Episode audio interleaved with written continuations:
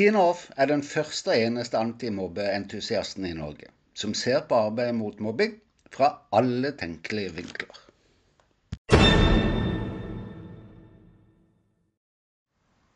I dag, som lova, er tema bekymringsmeldinger til barnevernstjenesten i mobbesaker. Når velger skoler å kontakte barnevernstjenesten? Hva kan det være et tegn på? Er det noen forventninger foreldre ikke møter skolen på? Hvilken funksjon har slike meldinger? Kan det finnes en enkel løsning på utfordringene bruken skaper? Velkommen til episode 23. Helt generelt er det vanskelig å finne argumenter som taler for bruk av bekymringsmeldinger i mobbesaker. Ingenting tilsier at mobbesaker ikke løses pga. omsorgssvikt i hjemmet. Ja, for det er jo det som er kravet. Skolen må ha sitat, 'grunn til å tro at det foreligger grov omsorgssvikt' sitat slutt, i hjemmet. Altså mer enn bare ved mistanke om at foreldre ikke ivaretar ansvaret sitt. Det må dreie seg om grunn til å tro at foreldre utøver vold mot sine barn, sånn som eh, slag, mishandling osv. Tidspunktet bekymringsmeldingene sendes på, som er langt ute i mobbesaker, tilsier heller ikke at årsaken ligger i hjemmet. Og rent juridisk viser skolens benyttelse av denne muligheten seg for å være feil. Men la oss bakke bakover litt, slik at vi til slutt kan oppsummere bildet for barnet. Starter ikke det hele med at det er vi voksne som skaper de miljøene som barna vokser opp i? Og er det ikke nettopp i miljøene det enten, åpnes eller lukkes for fenomener som mobbing? Og ikke bare det. Kravet om gjentatte ganger over tid i mobbebegrepet krever ikke det at hver voksen rundt et barn i løpet av en skolehverdag, og et døgn for den saks skyld, har oversett at blikking, utstengelse, erting osv. pågår. Det betyr at det er du og meg som må våkne opp, om vi er lærer, rektor, trener, nabo eller foreldre. Men det er jo ikke slik vi tenker, eller hør? I stedet opplever jeg da lokalsamfunn på lokalsamfunn som stempler familier som opplever mobbing. Foreldre til barn som utøver mobbing, stemples som fæle med manglende evne til å oppdra sine barn fordi at de har utøvd mobbing. Foreldre til barn som utsettes for mobbing, stemples som svake. Begge settene med foreldre opplever å bli gjort til syndebukk, og et lokalsamfunn som både snur ryggen til dem og, og deres barn. Jo mindre samfunn, jo tydeligere er sånne tegn. Du kjenner kanskje til uttrykket syndebukk. Det hebraiske ritualet der én gruppe mennesker overfører sine synder til en geit, Geitebukken sendes så vekk og ut i ødemarka. Med geita forsvinner synderen, og dermed er gruppen fri for synder. Er det det som skjer når skolen sender bekymringsmelding til barnevernstjenesten? Foreldre, slik jeg erfarer de i mobbesaker, så går de gjennom minst tre faser. For det første de kommer inn med en tillit til at skolen skal fikse opp, til tross for at det er feil og mangler i skolens miljø som er årsaken til at de nå sitter rundt bordet. Her foregår gjerne møtene ved at skolen velger tiltak som foreldre takker ja til, og slik møtes de med jevne mellomrom.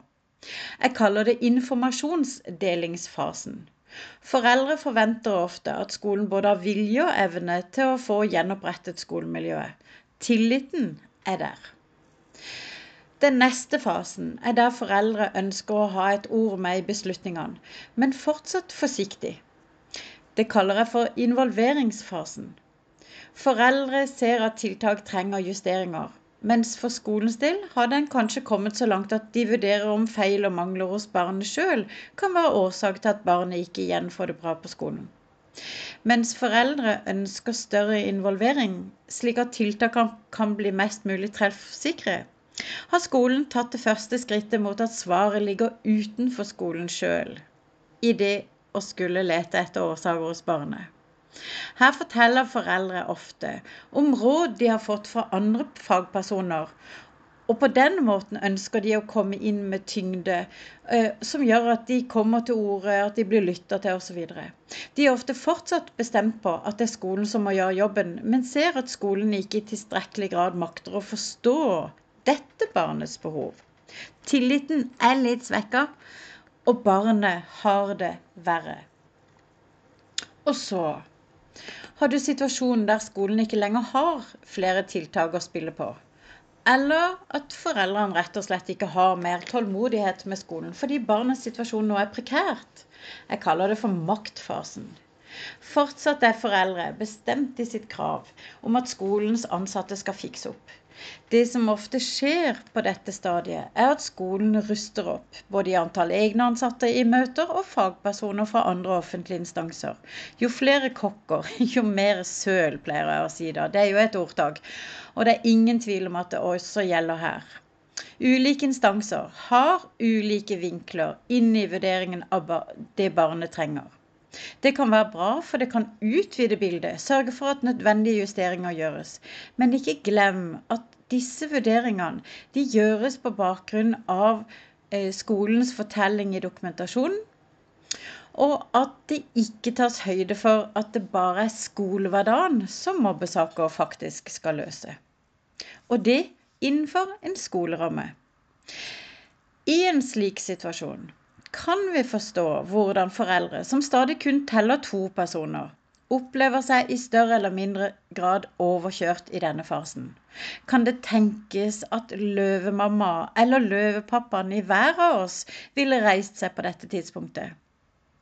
Og det er her, når skolens tiltak ikke gir den effekt at barnet er tilbake i rollen som normalelev, der samarbeid kreves av foreldrene, når mange fagpersoner deltar uten at det hjelper barnet det puck, hvor foreldre gis tilnavnet vanskelige.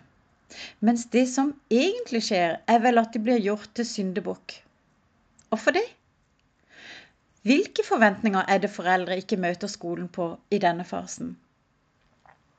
I en dansk undersøkelse kommer det fram at fagfolk misliker familier som for det første stiller kritiske spørsmål, og for det andre ikke tar rollen som hjelpeløse. Fikk du med deg den?